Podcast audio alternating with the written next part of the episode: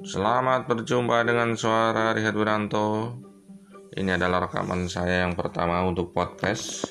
Saya mencoba untuk uh, berbagi pengalaman, berbagi uh, cerita dan berbagi perasaan mungkin untuk ya mungkin berguna untuk kita bisa kaji ya atau semacam kita menjadi suatu Hmm, mungkin penelaahan, waduh itu mungkin tidak terlalu serius ya. E, barangkali untuk inilah apa namanya bagi-bagi perasaan, bagi-bagi inspirasi.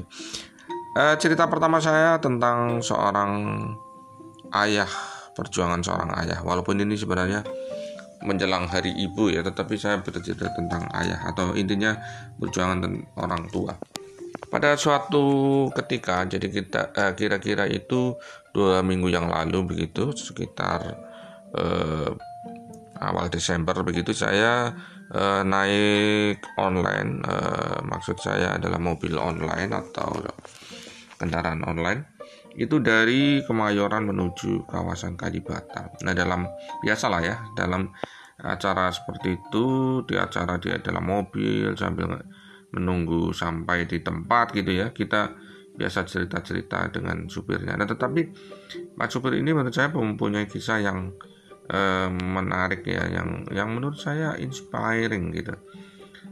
Eh, bahwa seorang perjuangan orang tua terhadap anak eh, dalam hal ini ayah itu memang luar biasa. Mengapa begitu? Karena eh, dia itu rumahnya di eh, Banten cukup jauh. Jadi kalau misalnya dia harus uh, bolak-balik tiap hari itu akan memakan waktu dan biaya sehingga dia akhirnya uh, mencari uh, penghasilan di Jakarta mutar-mutar ke seluruh Jabodetabek mencari penumpang pagi, siang, malam, sore, dini hari macam-macam. Akhirnya dia tidak bisa pulang tiap hari.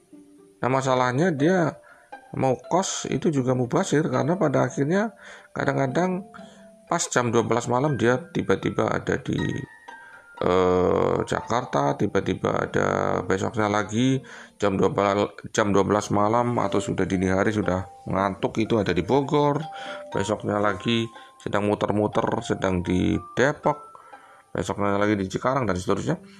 Sehingga wah ini rugi nih kalau kita punya kos. Karena dia memang sempat kos lalu akhirnya dia putuskan tidur saja di atas mobil. Nah uniknya itu dia sudah melakukannya bertahun-tahun dan dia biasa tidur di atas mobil di lapangan parkir Monas di eh, lapangan Banteng di Bogor kemudian di Cikarang kadang-kadang di pom bensin dan seterusnya dan dia bisa hidup dengan cara itu dengan membawa satu ransel tas. Jadi dia hanya pulang ke rumah itu dua atau tiga hari sekali tergantung. Kadang-kadang kalau lagi ramai banget ya dia akan beberapa hari kalau lagi sepi dan sudah capek sekali dia pulang ke rumah karena tidur di atas mobil itu kan sebenarnya nggak nggak enak gitu ya. Tetapi itulah perjuangan seorang ayah. Nah, meskipun begitu dia sudah menjalani dan ternyata mampu dia menghidupi keluarganya. Dia kalau tidak salah punya anak tiga, tapi satu di antaranya sudah kuliah di Jakarta, di swasta lagi. Dan dia harus mengeluarkan menurut ceritanya dia gitu. Itu satu semester dia harus membayar 9 juta. Artinya satu tahun 18 juta. Untuk kos dia 1 juta. Untuk mak makan, kebutuhan dan sebagainya sekitar 2 juta gitu. Jadi kalau saya hitung-hitung kebutuhannya satu tahun itu sebesar 54 juta hanya untuk eh, apa namanya kuliah. Sementara dia juga harus nyicil mobil karena ya namanya supir sekarang eh, karena dia pernah bekerja kemudian memutus uh, pabriknya tutup kalau nggak salah atau pindah begitu. Kemudian dia akhirnya menjadi supir uh, online. Dan ternyata bisa. Jadi memang dengan perjuangan yang keras seorang ayah ini mampu menghidupi uh, keluarganya. Tetapi yang mena yang mau saya ceritakan di sini adalah selain seorang ayah yang berjuang untuk anaknya ini adalah suatu perubahan pola hidup. Jadi orang biasa hidup di atas mobil dan berputar-putar di berbagai macam lokasi, tidur di sembarang tempat dan seterusnya. Dan seperti juga di Amerika itu juga sudah ada kecenderungan seperti itu.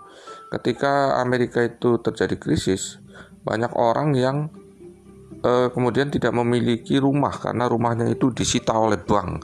Karena di sana biasalah orang itu hutang dengan mengagunkan eh, rumah dan seterusnya sehingga ketika macet akhirnya dia harus kehilangan rumahnya. Nah, mereka itu biasa hidup di mobil, kemudian di parkiran, di jalan-jalan setiap hari. Walaupun dia sebenarnya punya pekerjaan di kantor dan dia mungkin harus tidur di parkir-parkir umum, mengandalkan toilet umum dan seterusnya untuk agar bisa tetap hidup. Ini lah begitulah ceritanya yang ingin saya ceritakan kali ini. Semoga bermanfaat. Uh, ini karena rekaman yang pertama Terima kasih telah mendengarkan suara Rehat Wiranto.